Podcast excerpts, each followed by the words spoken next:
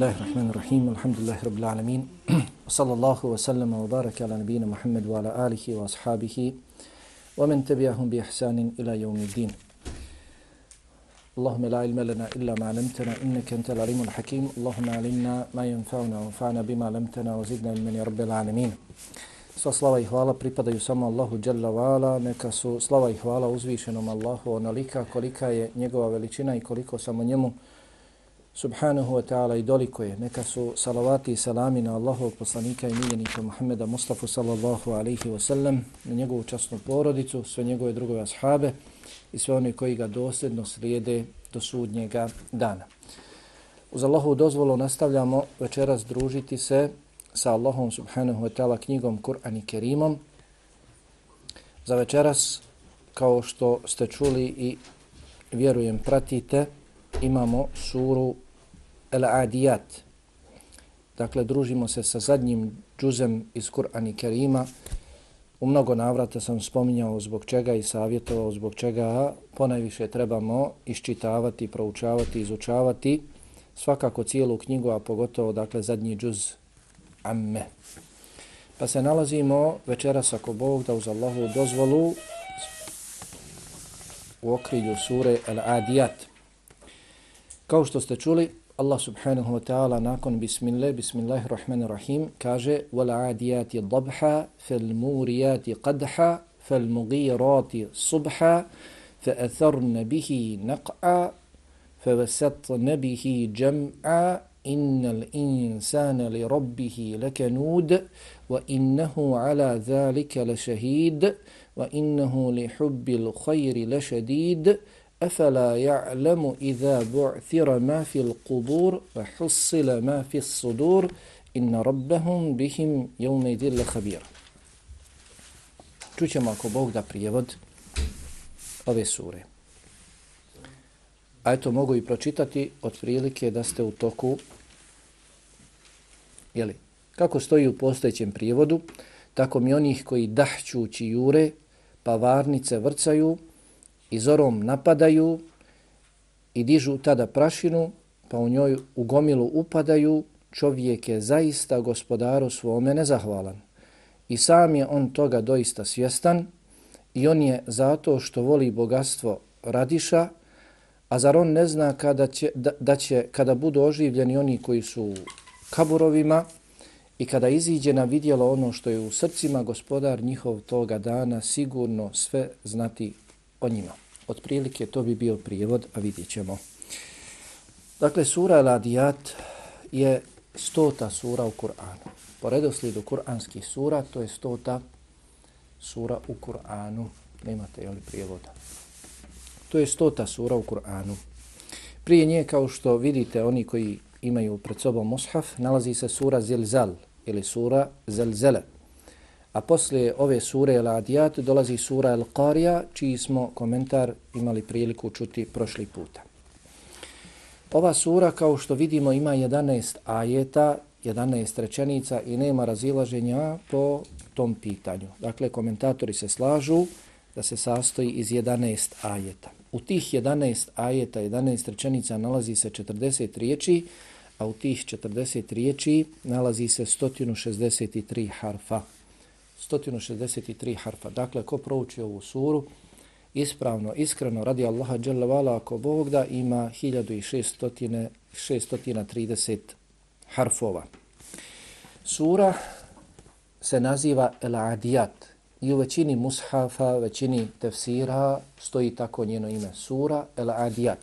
U pojedinim tefsirima stoji Wal Adiyat.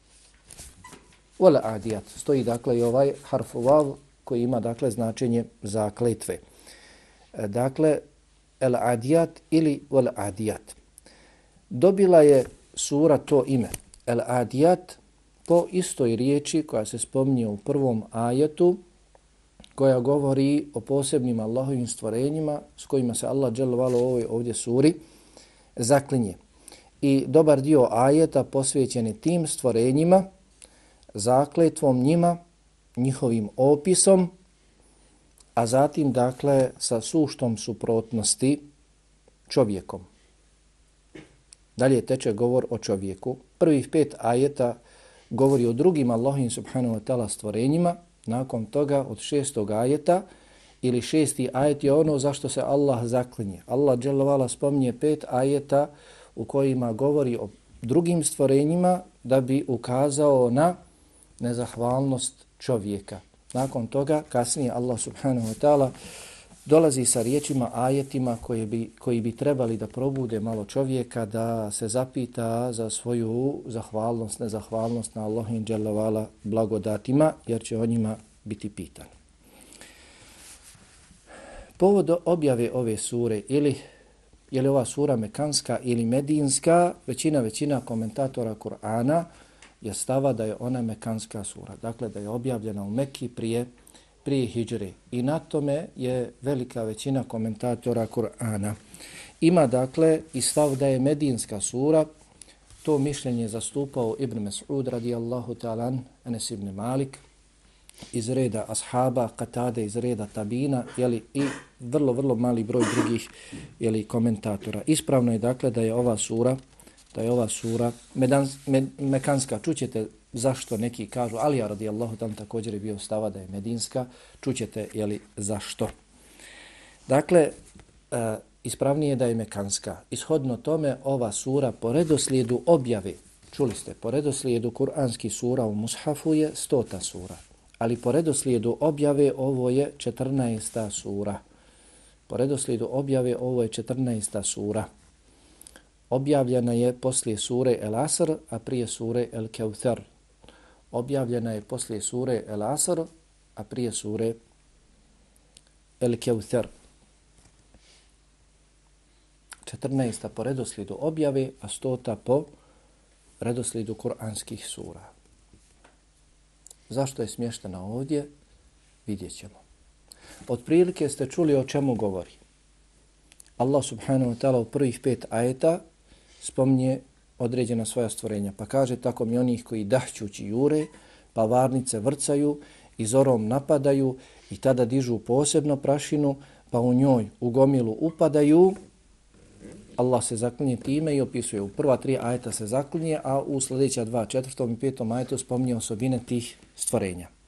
Zatim iznosi činjenicu da je čovjek nezahvalan svome gospodaru i da on svjedoči tome, da je čovjek svjedok tome, on sam svjedoči, priznaje da je nezahvalan i zbog čega je nezahvalan Allah subhanahu wa ta'ala pojašnjava, a zatim u 9., 10., 11. ajetu dolazi sa govorom koji bi trebao da probudi čovjeka, dolazi s govorom o drugome svijetu, o proživljenju, kada će sve biti iznešeno pred Allaha subhanahu wa ta'ala, sve što smo radili, sve što smo govorili naprotiv i ono što smo u svojim prsima krili, toga dana Allah subhanahu wa ta'ala sve će znati o nama do u detalje i sve će to ono što ne oprosti biti iznešeno jeli, pred, pred, pred njega. Allaha jalla vala. Dakle, o tome otprilike govori ova sura, to je sadržaj ove sure. Reko, prije ove sure dolazi sura Zilzal ili Zelzele, a poslije ove sure dolazi sura Al-Qarija. Zašto je sura Al-Adiyat smještena ovdje? Sura Zilzal, vjerujem da nam je njena sadržina poznata. Mnoga predavanja su se držala na temu, tematiku sadržine te sure. Kada se zemlja svojim najžešćim potresom potrese i kada čovjek uzvikne šta joj je, toga dana će zemlja početi kazivati svoje vijesti, Jeli, Allah subhanahu wa ta'ala o tome govori također o proživljenju, pa, da će, pa će se ljudi odvojiti, podvojiti jeli, u, u dvije skupine, pa onaj čija dobra djela budu, uh, Eh, ko bude imao dobrog djela koliko je trun, vidjet će ga, onaj koji bude imao lošeg djela koliko je trun, vidjet će ga, sve će dakle biti. Pa možete li povezati i reći koja je veza između sure El Adiyat i sure Zilzal? Zašto je smještena ovdje? Zašto je Allah subhanahu wa ta'ala naredio da se u mushafu ova sura nalazi na ovome, ovome mjestu. Ha?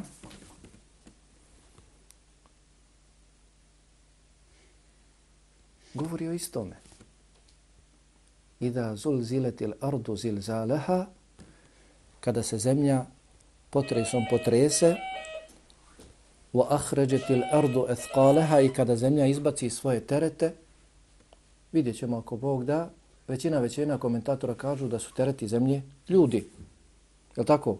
Zar o tome ne, ne govori sura Ladijat? Efela ja'lamu iza bu'thira ma fil kubur. Za čovjek ne zna da će kada svi budu proživljeni iz kaborova. Kada ustanu iz kaborova. O tome govori sura Ladijat. Govori o proživljenju.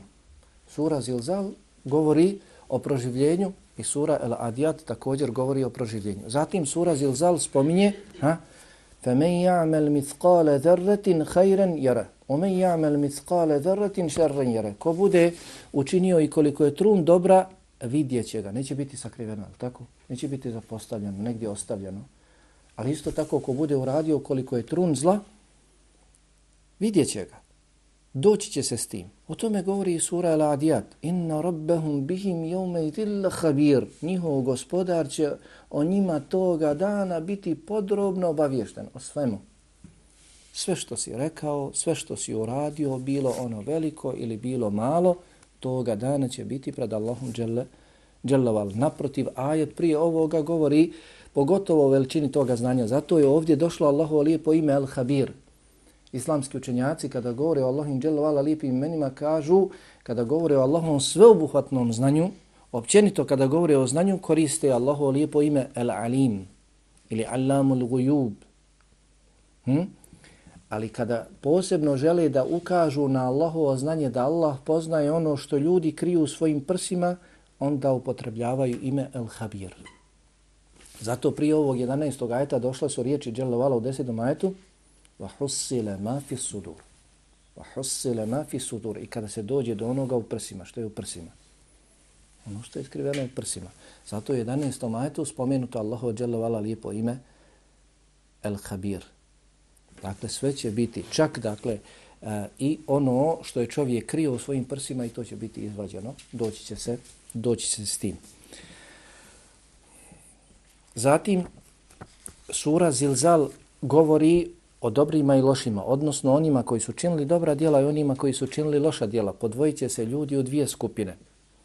Pa i onaj koji je činio loša djela i trun lošeg, s tim će se doći.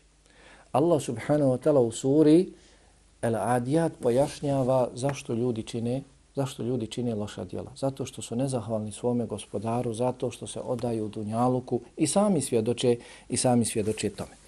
A sura El Qarija je došla poslije sure El Adiyat. Prošli puta smo el tako govorili o tome.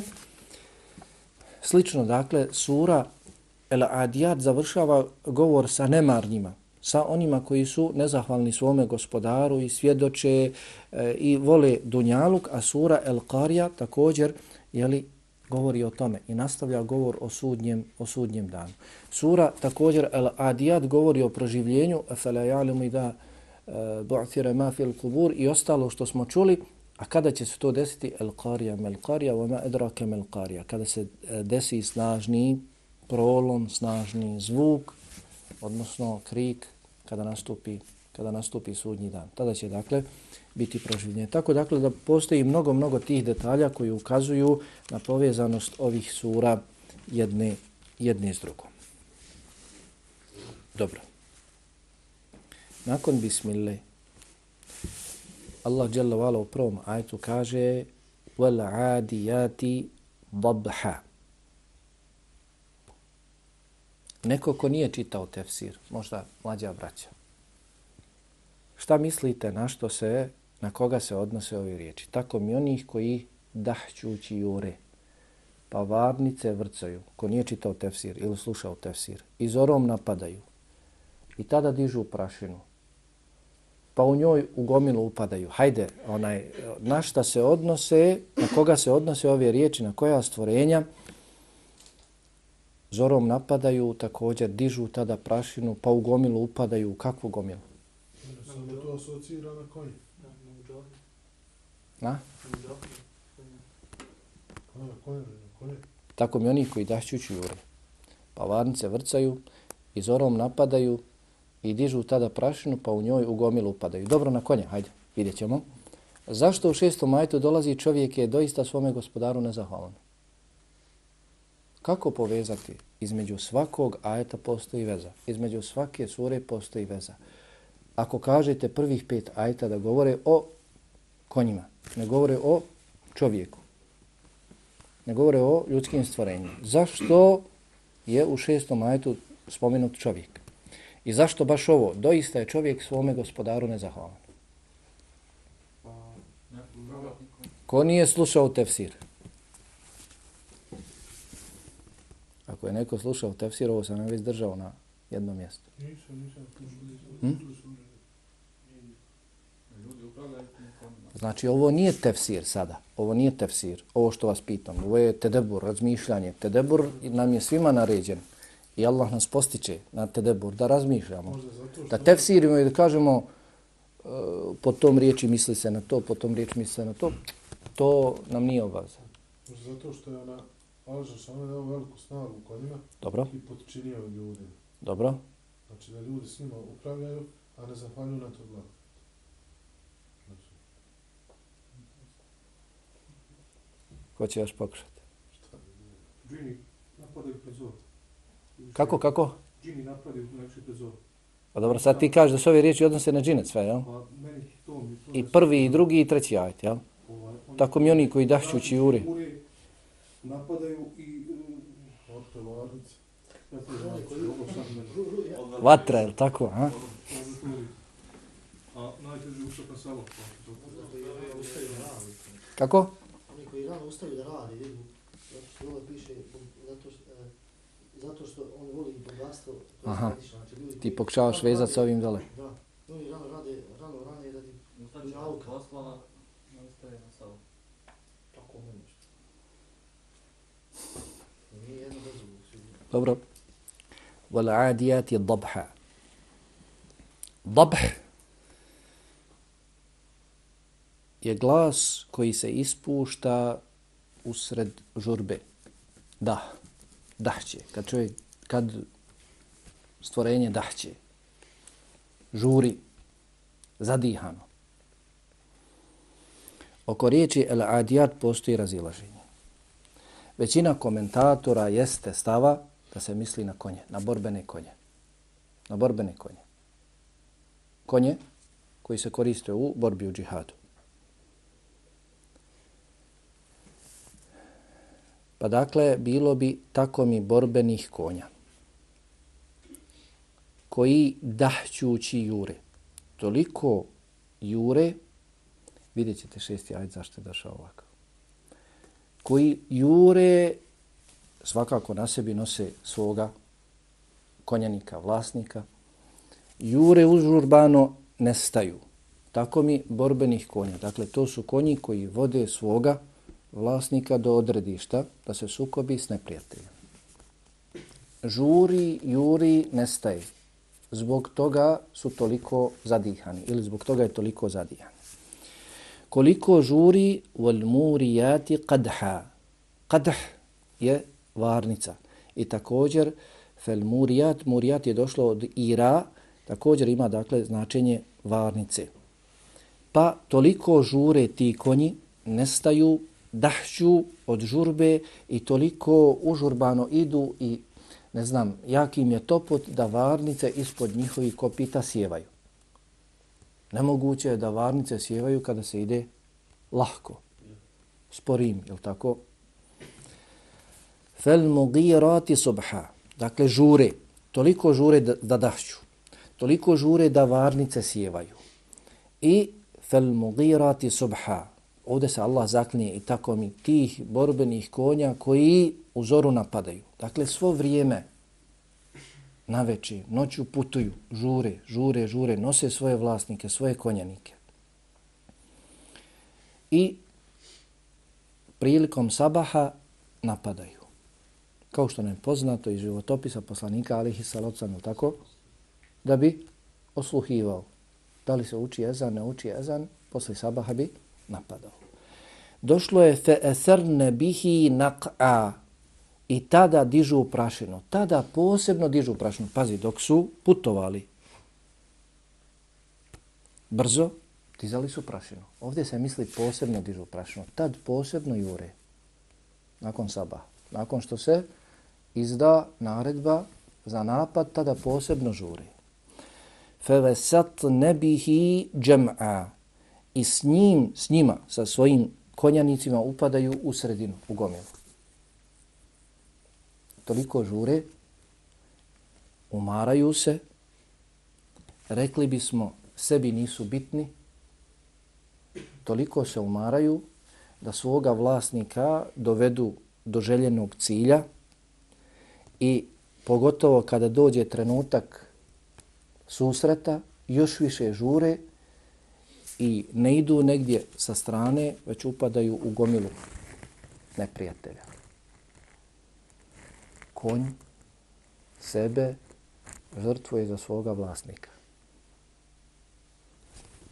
Hm? Konji sebe žrtvuju za svoga vlasnika. Oni su ti koji su također prvi istureni u sukobu s neprijateljem. Oni su ti koji će sigurno prvi istradati. Žure, jure, nestaju, ne miruju, kada se izda naredba, tada pogotovo napadaju, idu u sredinu, sebe žrtvuju, kaže Allah dželle vala, innel insane li rabbihi lekenut. Doista je čovjek svome gospodaru nezahvalan. Konj je zahvalan svome vlasniku. Što ga poji, što ga hrani, sebe žrtvuje za njega. Koliko si ti zahvalan svome gospodaru? Koliko si ti zahvalan čovječe svome gospodaru? Koje ti je blagodati Allah dželle dao? Kaže Allah, doista je čovjek svome gospodaru nezahvalan. Dakle, većina islamskih učenjaka, komentatora je stava da se ovdje misli na konje. Borbene konje i komentarišu kako, kako sam rekao. Alija radijallahu ta'lan, Ibn Mas'ud, Enes ibn Malik i njih nekolicina smatraju da je riječ o devama i hađijama na devama. I oni su tog stava da je ova sura bila medinska. Oni su govorili da je ova sura medinska, ne može, kaže, biti mekanska, u Mekki nije bio propisan džihad. Kako vi kažete da je sura mekanska i tvrdite da se ovdje misli pod konje, kada kaže mi na bedru, tek na bedru, dakle druge godine po hijđri smo imali samo dva konja. Ne može biti mekanska sura, medinska je sura, ne misli se na konje, već se misli, već se misli na na uh, hađije i na jeli, deve, pa oni objašnjavaju wal adiyati dabha da se misli na hađije kada krenu sa arefata na muzdelifu u žurbanu, da dođu do muzdelife. Fel murijati kadha i kada varnice vrcaju, odnosno kada se potpale vatre na muzdelifi, da se, da se